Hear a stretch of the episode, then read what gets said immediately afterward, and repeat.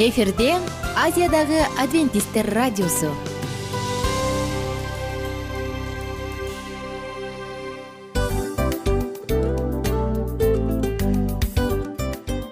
Достор салют. Баардык сүйүктүү угармандарыбызга салам айтабыз. Кутман күнүңүздөр менен. Ден соолук өмүрдүн булагы демекчи саламат саамы программасында баарыңыздарды көргөнүбүзгө абдан кубанычтабыз. Анда алгач амандашып өтөлү арбаңыздар деп. Ден соолугуңуздар кандай элибизде көбүнчө ден соолук кандай дегенде эле жакшы деп жооп беребиз э? ооруп турсак дагы жакшы дейбиз. Анан мен муну айтып ойлойт элем бул абдан сонун сөз депчи анткени бул жакшы деген үмүт да ооба баары жакшы болот баары сонун. Деп үмүттөнүп атып эле өзүбүздү өзүбүз дарылап коебуз. Анысы кандай? Сиздин дагы ден соолугуңуз жакшы беш деген үмүттөбүз чындыгында ден соолук бул өмүрдүн булагы деп бекеринен айтылган эмес деп ойлойм. Кыргыз элинде анткени эгерде ден соолук жок болсо анда адамдын жашоосунда калган баардык керектүү маңыздуу нерселер өзүнүн баалуулугун жоготуп коет. Ошондуктан ден соолук бул эң керектүү нерсе. Ооба туура айтасың кесиптешим. Чынында ден соолугуң жок бир эки үч күн ооруп калсаң эле э кандай болуп калат? Жашоодо көз каранды болуп каласың көп нерсеге жетишпей каласың көп нерсени кыла албай каласың жада калса эшикке дүкөнгө да чыга албай каласың. Туптуура анан ден соолук болсо демек биз биздин бактыбыз тотой деп койсок болот.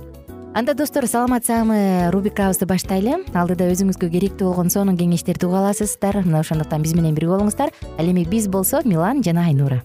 Кеттик алга. Алга саламат саама ден соолуктун жарчысы. Саламат саама ден соолуктун ачкычы. Күн сайын сиз үчүн мыкты кеңештер сонун жаңылыктар кызыктуу фактылар. Биздин рубрикада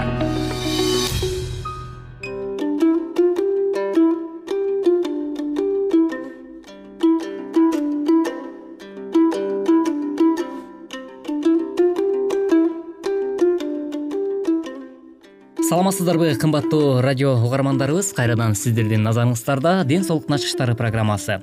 Бүгүнкү программабыздын чыгарылышында өткөндө биз сүйлөшкөндөй эле э, суу менен кантип дарылануу керек ушул жаатта теманын алкагында сүйлөшүп жатканбыз. Ал эми бүгүнкү программабыздын чыгарылышында биз сиздер менен ысытылган сүлгүлөрдү э, кантип колдонуу керек? Жана ошондой эле алар менен дарылануу жолдорун кантип жасашыбыз керек? Ушул туурасындагы маегибизди улантмакчыбыз. Андыктан бүгүнкү берүүдө биздин толкундан алыстабай биз менен биргеликте болуңуздар. Ысытылган сүлгүлөр адамдын денесинин ысыгын жогорулатуу үчүн колдонулат. Кандагы ак клеткалардын аракетин жогорулатуу үчүн колдонулат. Теринин сырткы жактары кан менен жакшы кам болуусу үчүн жана ички мүчөлөрдө кереги жок нерселерден арылуу үчүн колдонулат төртүнчү иретте бул булчуңдар чыңалып аягына чейин жазылбай калганда аларды кам кылып бош кылып булчуңдарды ашыкча чыңалууну төмөндөтүү үчүн колдонулат. Муундардагы ооруну басуу жардамчы катары колдонулат. Ички мүчөлөрдөгү ооруларды жеңилдетүү үчүн дагы колдонсо болот экен. Дененин ашыкча тердөө жолу менен денедеги керексиз жана уулуу заттардан арылуу үчүн э, колдонулган ыкма болуп саналат анда эмесе урматтуу угармандарыбыз э, чынында эле ушул сүлгүлөрдү колдонуу жаатында дагы мүмкүн кандайдыр бир ушул кан тамырлар же болбосо буттун тырышуу бир учурлар болуп калган убакыттарда ошол убакта сиз э, ушул ыкмаларды колдонсоңуз болот экен. Э, негизи эле кээде баягы ошол адамдын дене мүчөсүнүн ичинен бул ушул буттун тырышуу кандайдыр бир кан айлануу системасы жакшы жүрбөгөндө улам кээде тырышуулар болот эмеспи ошол учурларда э, сүлгүлөрдүн ысытуу жолу менен бул ыкмаларды колдонсоңуз дагы кандайдыр бир жазылууга жардамын э, көрсөтөт экен. Дененин ысыгына жана ыкманы колдонуунун убактысына жараша дененин жайлантып жана анын ишин күчөтүү үчүн колдонулат. Жана ошондой эле пайдалуу жактары даярдалган кичинекей сүлгүлөрдү ысытуу суу ысып турган казандан же башка идиштен ысыган сүлгүлөрдү алып чыгып аны атайын калың шейшеп менен ороп коюңуз сүлгүлөрдү ысытып даярдоо ысытылган суунун жүндөн токулган кездемеге ороп анын ысыкты жакшы сактоо үчүн колдонуңуз. Бул эмнеге жардам берет? Бул биринчиден нерв же муундардын ооруганында жардам берет. Булчуңдардын түйүлүп же чыңалып жазылбаган абалында колдонсо болот. Уйку качканда дагы колдонсоңуз болот. Булчуңдарды массаждын алдында жылытуу үчүн даярдап алсаңыз дагы жакшы болот ооба чындап эле жогоруда кесиптешим сиздерге айтып өткөндөй эле бул ыкмаларды колдонуу аркылуу өзүңүздүн э, нерв системаларын жөнгө салууга дагы жакшы бир натыйжасын берет экен. Суу менен дарылануунун муздак ыкмаларын колдонууга даярдануунун алдында э, гиперемия дем алуу жолдоруна суук тийип кызарганда бронхитти плевритти өпкөгө суу толгондо дарылоодо колдонуп плеврит менен ооруганда адамдын денесин муздатуу такыр болбойт. Нервтер суукка чалдыкканда бул ыкма бул ыкма жүлүндү жылытып жай алууну абалына алып келүү үчүн денени жакшылап тердөө үчүн колдонулат ошондой эле дал ушул ыкмаларды колдонуу аркылуу сиздин дагы кан системаңыздын айланышына жогоруда биз айтып өткөндөй эле кандын жакшырышына алдын алууга жардамын берет экен.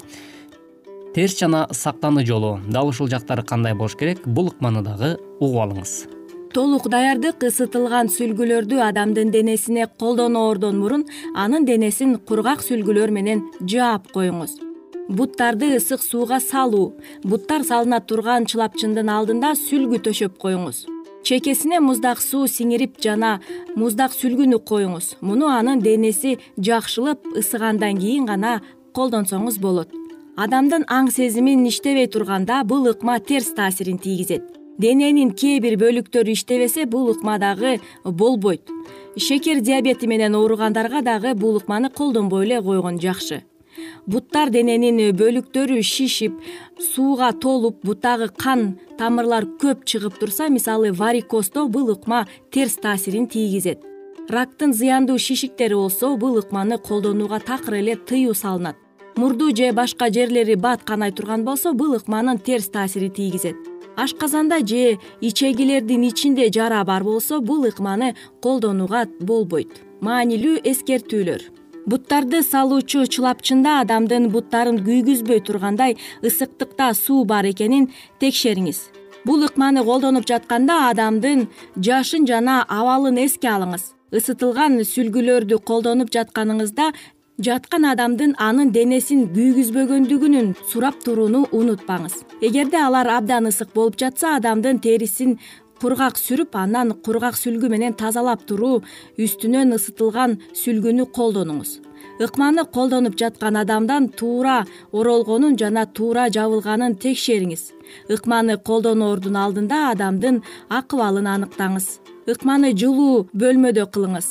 Алдын ала бөлмөнүн ичинде жел жүрүп жүрбөгөнүн текшерип алыңыз ыкманын мөөнөтүн узартуу жана ысык сүлгүлөрдү алмаштыруунун убактысын тездигинен дарылануунун натыйжасына терс этет. Муну унутпаңыз. Дененин ишин күчөтүү үчүн ысытылган сүлгүлөрдү колдонуу мөөнөтү кыска болуш керек. Мисалга үч мүнөттөн беш мүнөткө чейин сүлгүлөр өтө ысык болуп жана денени муздатуу менен кезектелиши керек денени бош кылып тынч абалга жеткирүү үчүн ысытылган сүлгүлөр узак убакытка колдонушу керек. Мисалга алты мүнөттөн он мүнөткө чейин урматтуу угармандарыбыз бүгүнкү биз сиздер менен бөлүшүп өткөн ысытылган сүлгүлөрдү э, сиздин саламаттыгыңыздын сак болушуна колдонууда кандай эрежелерди колдонуш керек ушул туурасындагы маегибизге орток болдуңуздар? Бүгүнкү бизге бөлүнгөн убакыт дагы ушуну менен өз соңуна келип жетти. Кийинки берүүбүздө сиздер менен дал ушул аба толкундан амандашканча сак саламатта калыңыздар саламат саама ден соолуктун жарчысы. Саламат саама ден соолуктун ачкычы. Күн сайын сиз үчүн мыкты кеңештер сонун жаңылыктар кызыктуу фактылар биздин рубрикада.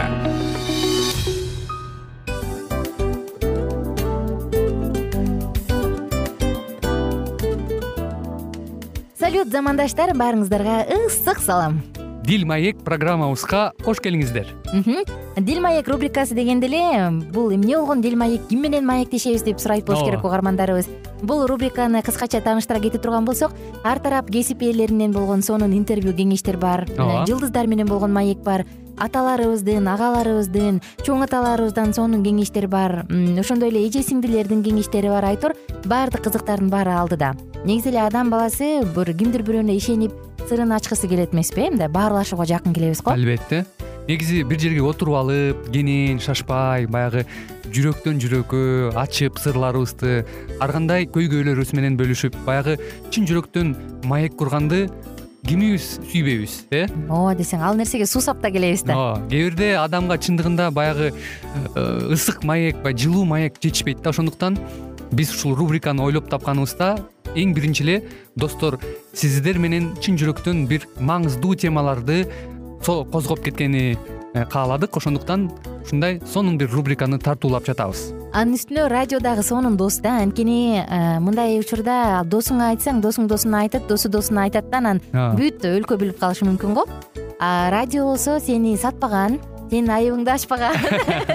Сенин сырыңды эч кимге айтпаган сонун дос мына ошондуктан биздин алдыдагы айта турган кеңештерибизди биздин досторубуздун кеңештерин угуп анан ал жака пикириңизди дагы калтырып кайрадан биз менен байланышсаңыздар болот.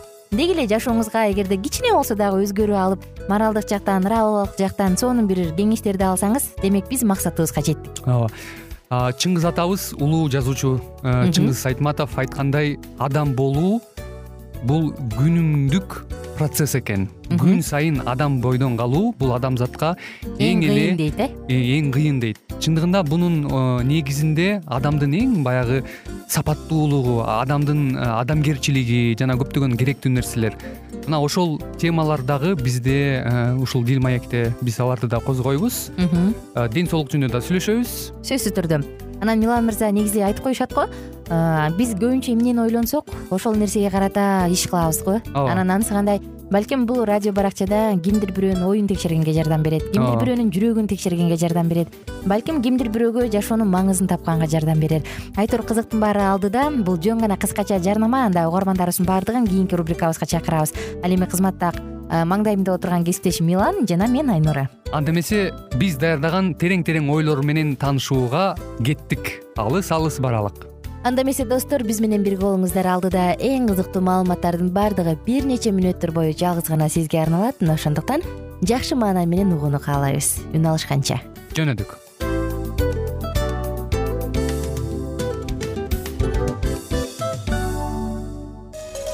Ар түрдүү ардактуу кесип ээлеринен алтын сөздөр жүрөк ачышкан сыр чачышкан сонун маек дил маек рубрикасында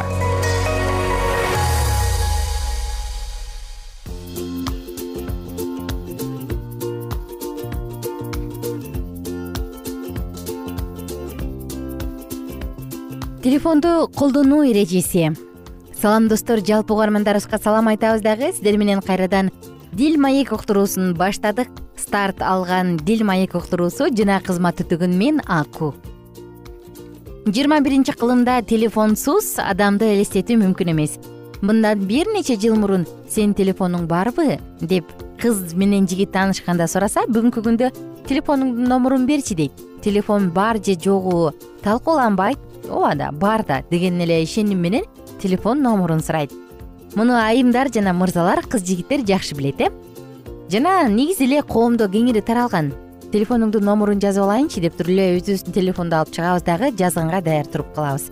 Ой жок ай телефонум жок эле десе таң калабыз. Ай телефонуң жокпу? деп э? Анан карап отурсаң таң калыштуу. Бир нече жылдар мурун жөнөкөй жашап келген ансыз жашап келген нерсе бүгүнкү күндө эң эле керектүү болуп калды айтор кандай болсун коом өнүгүп атат демек биз дагы коом менен кошо өнүгүп ар бир коомдун жаңычылыгынын артынан кууп жаткан чагыбыз. Достор телефонду колдонуу эрежеси бар. Жана бул тууралуу биз бүгүн бир аз болсо дагы сүйлөшө кетели. Коңгуроого төрт секунд ичинде жооп бербеңиз себеби бул убакта электромагниттик толкундардын таасири өтө күчтүү жана тарайт тез тарайт. Мына ошондуктан телефон чалгандан кийин бир эки үч төрт деңиз дагы экинчи үчүнчү гудоктон анан телефонду көтөрүңүз. Жана телефон колдонуунун кийинки эрежеси сүйлөшүп бүткөндөн кийин телефонду кулактын түбүндө кармап туруп өчүрбөңүз себеби өчүргөн кезде толкундар заматта кулакка тарайт. Андан көрө алысыраак кылып ылдый кылып туруп анан баягы кызыл кнопканы басып коюңуз жана достор телефонду туура колдоноюн десеңиз чагылган тийип кетүү коркунучу жогору болгондуктан мүмкүн болушунча. Колуңуздан келишинче жамгырлуу күндө телефонду колдонбооңуз магниттик күчү көп болот. Ал эмес мен жайлоодо жашаган адамдардыкын көргөм телефон аябай катуу жаан жаап атканда алар телефонду таптакыр өчүрүп салышат экен дагы чет жакка коюп коюшат экен. Анан менимче бул туура эле ыкма го дейм эгерде телефон өзү магниттик күчү көп боло турган болсо анда тобокелчиликке салып эмне кереги бар? Анда андай учурда мындай аба ырайында телефон менен сүйлөшүүнүн кандай кажети бар? Мына ошондуктан абайлаңыз. Телефон менен эң эле узак дегенде он беш мүнөттөй сүйлөшүңүз. Жалпы айымдарга мырзаларга кыз жигиттерге айтат элек түнүм менен алтыным жаным сүйгөнүм деп сүйлөшүп чыгып жатсаңыз анда туура эмес кыласыз анда өзүңүздүн ден соолугуңузга зыян алып келип атасыз. Анын ордуна эң эле максимум он беш мүнөт сүйлөшүңүз.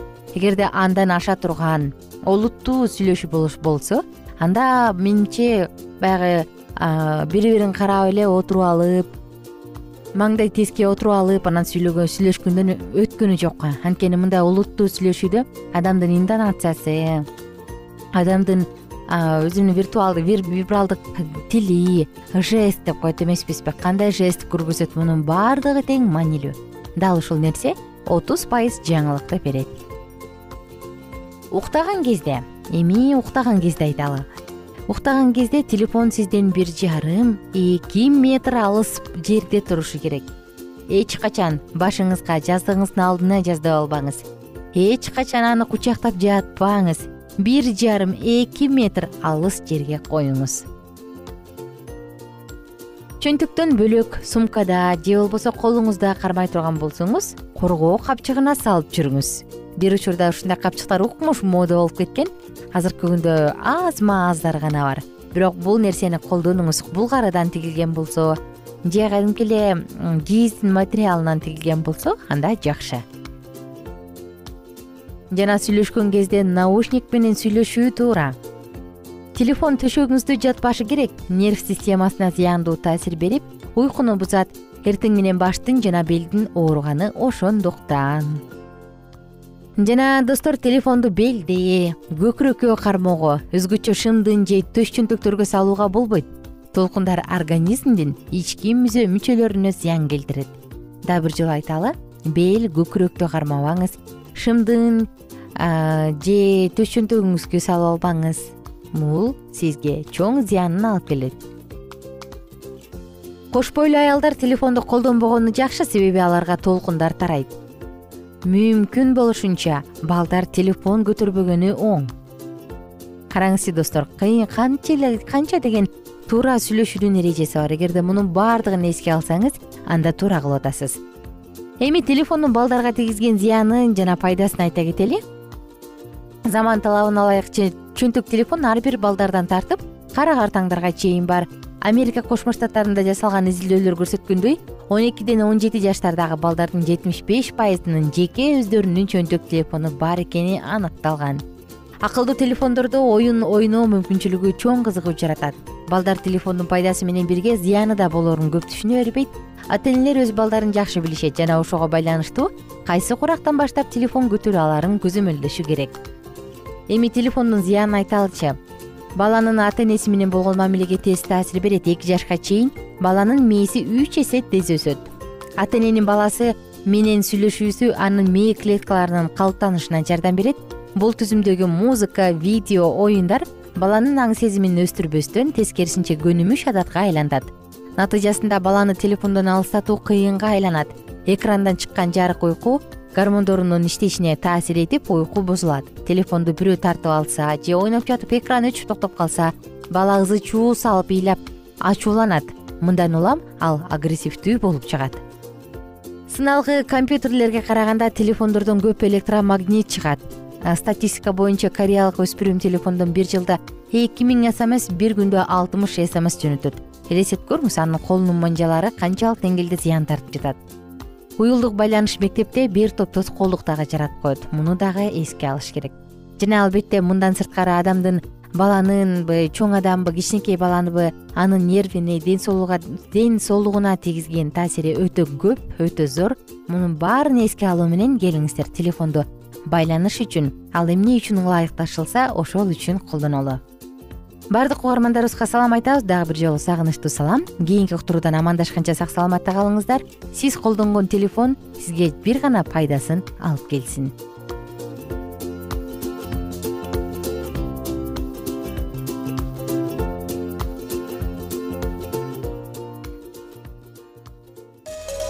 Ар түрдүү ардактуу кесип ээлеринен алтын сөздөр жүрөк ачышкан сыр чачышкан сонун маек дил маек рубрикасында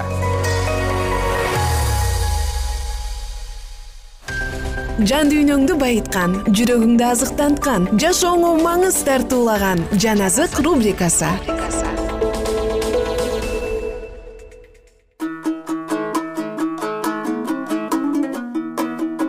Кутмандуу күнүңүздөр менен айымдар жана мырзалар жалпы сүйүктүү угармандарыбызга ысык салам айтабыз. Сиздер менен тарыхта маанилүү окуяны калтырган жана камтыган улуу күрөш китебин андан ары улантабыз. Жалпыңыздар биздин ушул уктуруубузга кош келипсиздер. Жалпы адамдар ойгонушуп куткарылууга алып бара турган жолду издене башташканда алардын ортосуна ыйык жазууларды өз жалган талкуулоолору менен түшүндүрүшкөн дин кызматчылар жолдо болуп турушту ишенимсиз сакчылар улуу ардаштыруучу менен бирге. Кудай коопсуз дебесе дагы тынчтык тынчтык! деп кыйкырышкан фарисейлер машаяктын учурунда асман падышачылыгынан өздөрү дагы баш тартышып каалачуларга дагы жол беришпей тоскоолдук болушкан. Жана ошол адамдардын канына алар жооптуу бул эскертүүчү кабарды биринчилерден болушуп кудайга ишенимдүү момун жыйындын мүчөлөрү кабыл алышкан. Мукадасты өз алдынча изилденип жатышкан адамдар коомчулуктун пайгамбарчылыктарга түшүнбөстүк менен карап жаткандыгын көрбөй коюшкан жок.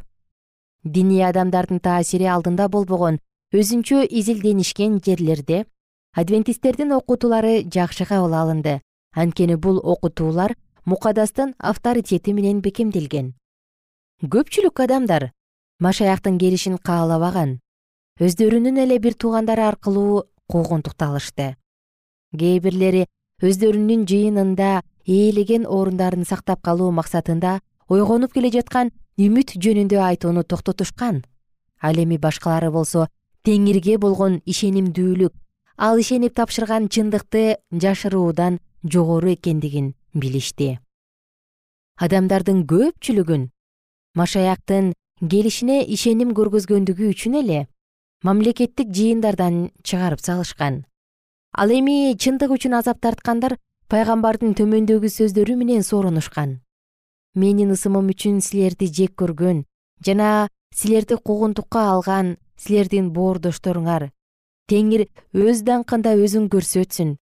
Биз силердин шаттанганыңарды көрөлү деп жатышат бирок алар өздөрү уят болушат ышая китеби алтымыш алтынчы бап бешинчи аятта жазылган.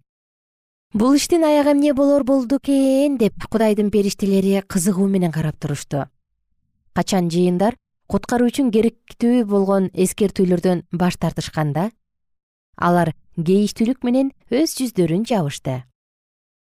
Бирок көп адамдар али адвентисттик сынактарды али баштарынан өткөрө элек болчу.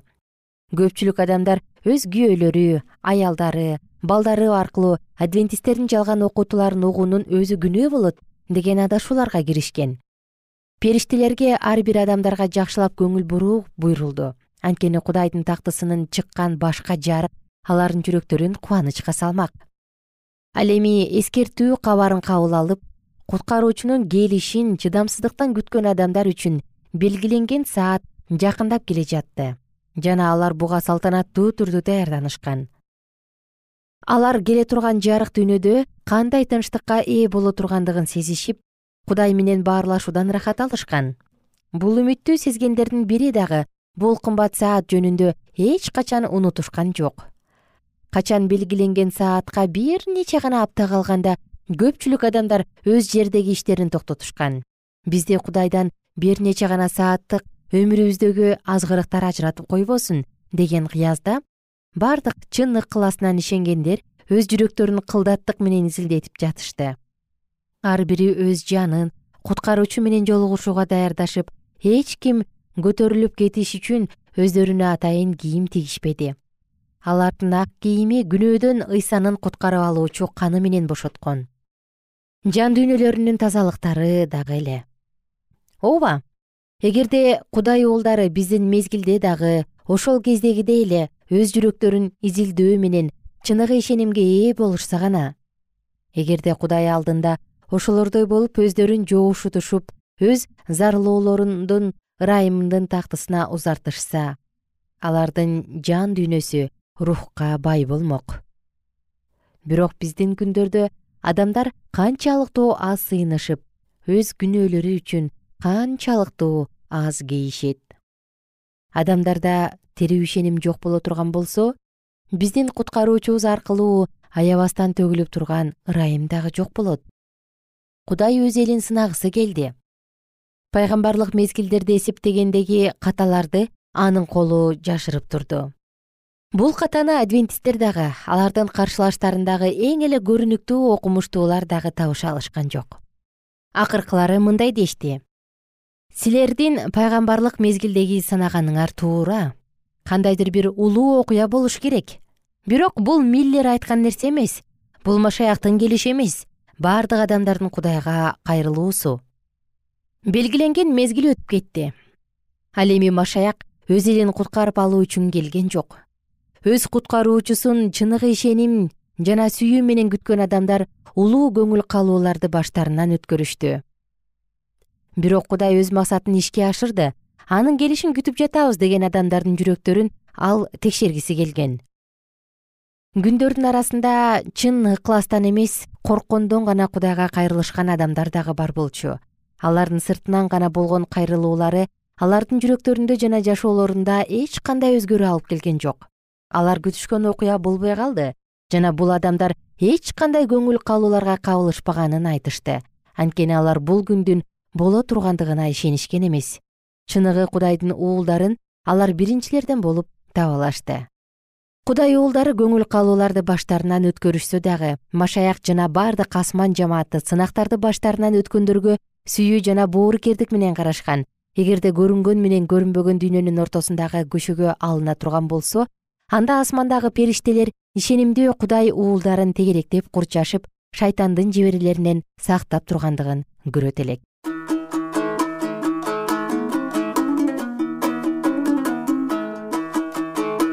ардактуу достор сиздер менен улуу күрөш китебинин дагы бир кызыктуу бөлүгүн окуп өттүк. Окуянын уландысын биз менен бирге кийинки уктуруудан тыңдай аласыз. Жалпыңыздарга жараткандын батасы мол болсун. Кайрадан амандашканча сак саламатта туруңуздар.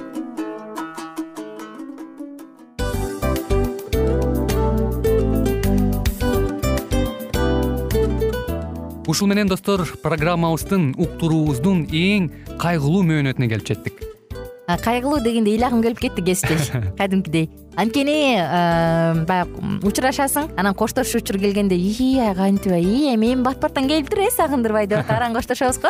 Анысы кандай угармандарыбыз менен коштошчу учур келди кийинки уктурууларды сагыныч менен жүрөгүбүздө кусалык менен күтөбүз жалпыңыздарды анан жарым сааттык уктуруу көз ачышым канча өтүп кетти сөзсүз. Бирок бизде жакшы кабар бар. Кийинки уктурууларыбызда сөзсүз дагы кезигишебиз. Анткени биз көптөгөн сюрприздерди кызыктуу маалыматтарды жана керектүү керектүү нерселердин көбүнчөсүн даярдадык анда угармандарыбыздын баардыгына ийгиликтүү күн каалайбыз. Эгерде бүгүнкү күнүңүз өзгөчө э, өтүшүн кааласаңыз анда позитивдүү ой жүгүртүп жылмайып жакындарыңызга жакшы маанай тартуулап жүрө бериңиз. Анткени сөзсүз түрдө мунун арты кайтат э? Сөзсүз. Баягы ден соолугуң оңолот ал бул деп көп нерсени санап келебиз. Эң негизгиси бул сиздин жашооңузду жаркын кыла түшөт экен жараткан кудай ар бирөөңүздөргө батасын берсин жашооңуз ийгиликтүү болсун сак саламатта калыңыздар деп мен милан жана кесиптешим айнура. Баардыгыңыздар менен кийинки уктурууда үн алышканча баарыңыздарга ийгилик каалайбыз